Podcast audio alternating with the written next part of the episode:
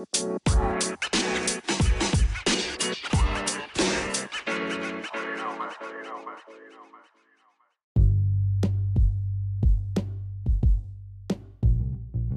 geng, di mana pun kalian berada, kalian sedang mendengarkan suara dari Kang Sai Podcast. Mudah-mudahan kalian tetap sehat dan bahagia selalu. Amin. Oh iya, ini adalah segmen ngomongin apa yang pertama. Sebelumnya, gue udah banyak cerita di sini tentang kehidupan gue dan semua yang gue alamin.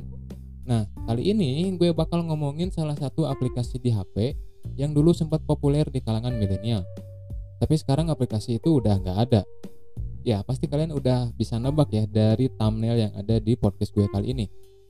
Nama aplikasinya adalah Spoon Radio. Tapi kalem dulu ya, gue haus mau minum.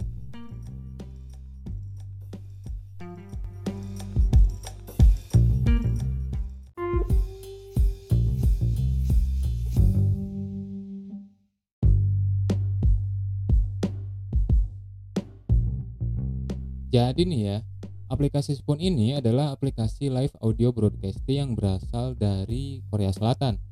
Mulai masuk di Indonesia sekitar tahun 2018 deh kalau nggak salah. Dan gue sendiri pertama kali download itu sekitar tahun 2019. Buat kalian yang nggak tahu, aplikasi Spoon ini mengharuskan kita untuk jadi pendengar dan masuk ke room orang yang sedang siaran. Ya mirip-mirip radio gitu. Atau bahasa awamnya Spoon ini adalah radio aplikasi radio interaktif di mana kalian bisa berinteraksi dengan penyiarnya dengan cara ngetik-ngetik atau typing-typing gitu. Selain jadi pendengar, kalian juga bisa siaran langsung kayak penyiar radio profesional. Nah, yang gue heran nih ya, aplikasi ini isinya anak muda semua.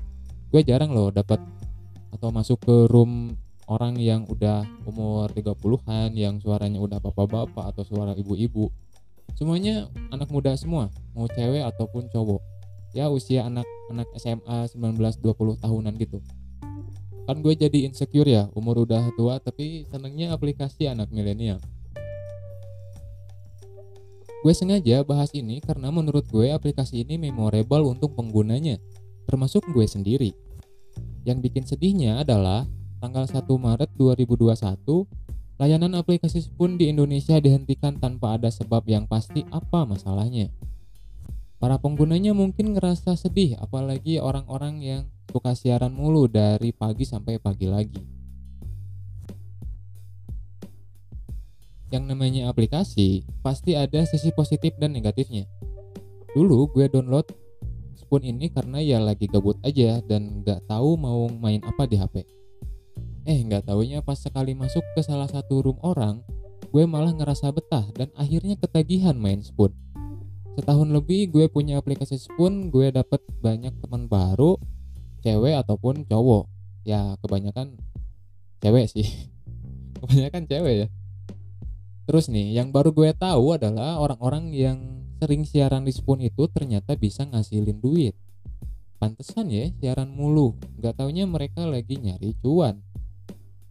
Awal-awal main Spoon gue memposisikan diri sebagai pendengar aja. Masuk ke room orang terus dengerin penyiarnya atau DJ-nya curhat. Jadi di Spoon itu penyiarnya itu disebut DJ atau disc jockey dan orang yang memanage roomnya atau jadi moderatornya itu disebut MG atau manager. Nah gue masuk ke room orang itu dengerin DJ-nya curhat terus baca typing-typingan orang yang ada di room itu gue juga kadang ikut nimbrung ngeramein roomnya. Kadang gue malah sampai tiduran. Lama-lama gue coba live di Spoon nyoba siaran walaupun followers gue nggak banyak. Di Spoon itu sistemnya kayak Instagram follow-followan gitu. Followers gue nggak banyak atau malah dikit banget ya sekitar 30 orang aja lah. Yang masuk ke room gue juga ya paling tiga orang itu pun mereka keluar lagi ya sedih banget lah pokoknya. Ternyata nggak gampang ya jadi seorang penyiar radio di Spoon apalagi jadi penyiar radio profesional di stasiun radio FM yang udah terkenal. Buat gue Spoon itu obat penawar gabut yang paling hebat. Bayangin aja. Gue pas pulang kerja capek letih lelah lesu leles lihat dan ingin rebahan gue nggak tahu mau ngapain gue buka Spoon terus masuk ke salah satu room orang yang bahkan gue nggak kenal. Gue bisa nyaman sampai bisa ketiduran dengerinnya. Malah di Spoon gue bisa ketemu sama temen masa kecil gue dulu. Ternyata tuh orang juga sama suka nongkrong di aplikasi yang kayak begini. Iya, buat gue Spoon mempertemukan teman lama yang udah lama nggak pernah ketemu lagi dan tentunya jadi bisa kenalan sama orang-orang baru berbagi cerita kayak gue sekarang ini dan lain-lain tapi sisi negatifnya dari aplikasi ini tuh banyak banget orang-orang yang curang. Curangnya dia masukin bot ke dalam roomnya biar roomnya itu rame. Ya kalian tau lah bot itu kan bukan player asli atau manusia. Bot itu kan robot ya. Mereka ngelakuin itu biar roomnya rame terus berada di 10 besar. Karena memang di Spoon ada ranking-rankingan gitu. Dan itu yang gue nggak suka dari Spoon terus ada beberapa sumber yang gue dapet tapi entah bener atau enggak bahwa katanya orang-orang yang kenalan di Spoon itu rata-rata modus. Sampai ada yang ngelakuin tindak pidana penipuan. Jadi kenalan nih antara DJ-nya sama pendengarnya terus tukeran IG lah sampai tukeran nomor WA gitu. Cecetan. Lama-lama salah satu di antara mereka ada butuhnya kan? Jadi FWB jadi friend with butuh nah dalam kasus ini salah satunya adalah minjem uang dengan nominal yang gak dikit tentunya. Alasannya ya buat pengobatan orang tuanya lah atau apalah dan gak taunya dikasih. Habis dikasih ya udah hilang kontak deh. Si nomor yang minjem duitnya nggak bisa dihubungin.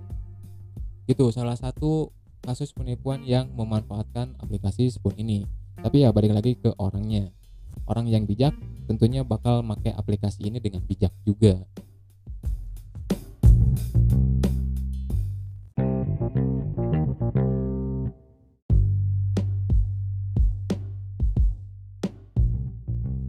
ngomong-ngomong soal modus nih.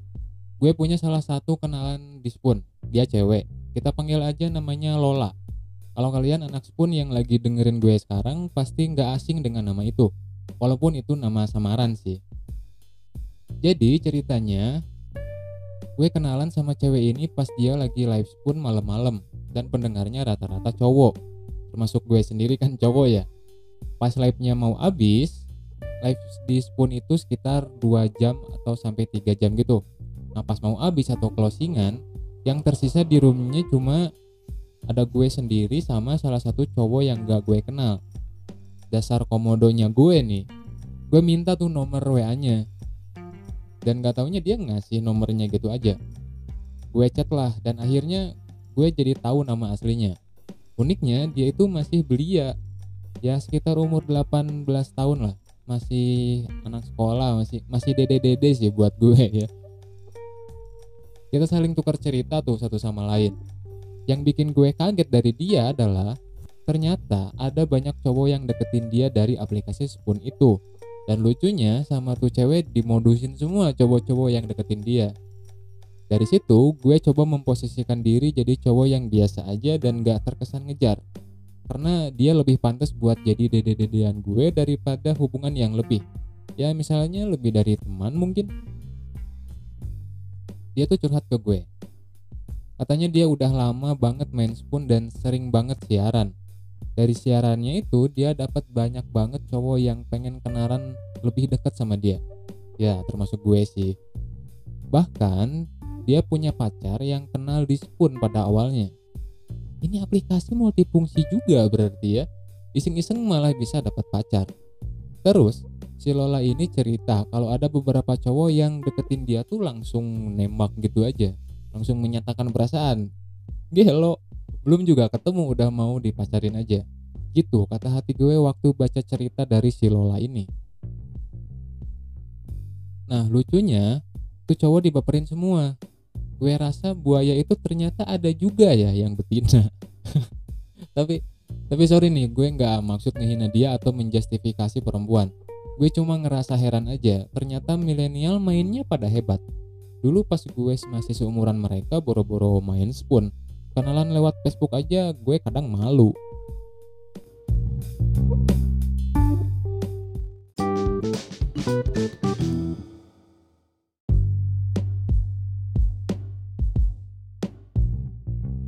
balik lagi ke aplikasi Spoon. Di hari-hari terakhir gue main Spoon, gue ngerasa nggak agak nggak betah karena konten-konten yang disajikan para DJ-nya itu terkesan monoton, terkesan gitu-gitu aja. Suatu ketika di Spoon ada room yang namanya Take Me Out atau Take Him Out, pokoknya room cari jodoh gitu. Dan pendengarnya rame banget. Gue heran sih, aplikasi begini dipakai ajang cari jodoh tapi pas gue masuk ke room itu seru sih walaupun gue nggak ada niat buat nyari jodoh apalagi secara virtual ya. Nah konklusi dari semua pemaparan gue di segmen ngomongin apa kali ini adalah gue sedang rindu sama aplikasi audio broadcasting kayak Spoon. Emang sih di Playstore banyak banget aplikasi yang serupa kayak Hakuna atau Joylada terus Venue FM tapi nggak ada yang sememorable Spoon Harapan gue sih ya semoga Spoon bisa hadir lagi di tengah kalangan milenial yang suka berbagi cerita lewat suara.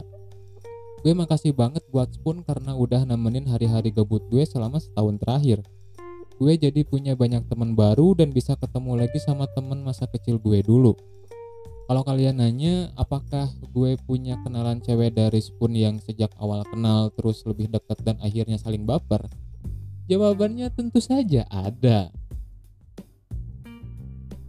Terima kasih udah dengerin gue ngoceh kali ini. Next episode gue bakal ngomongin hal seru lagi di sini.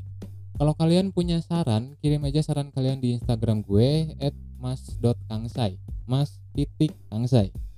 Waktunya gue untuk pamit. Tetap semangat, sehat selalu, bahagia dan banyak uang.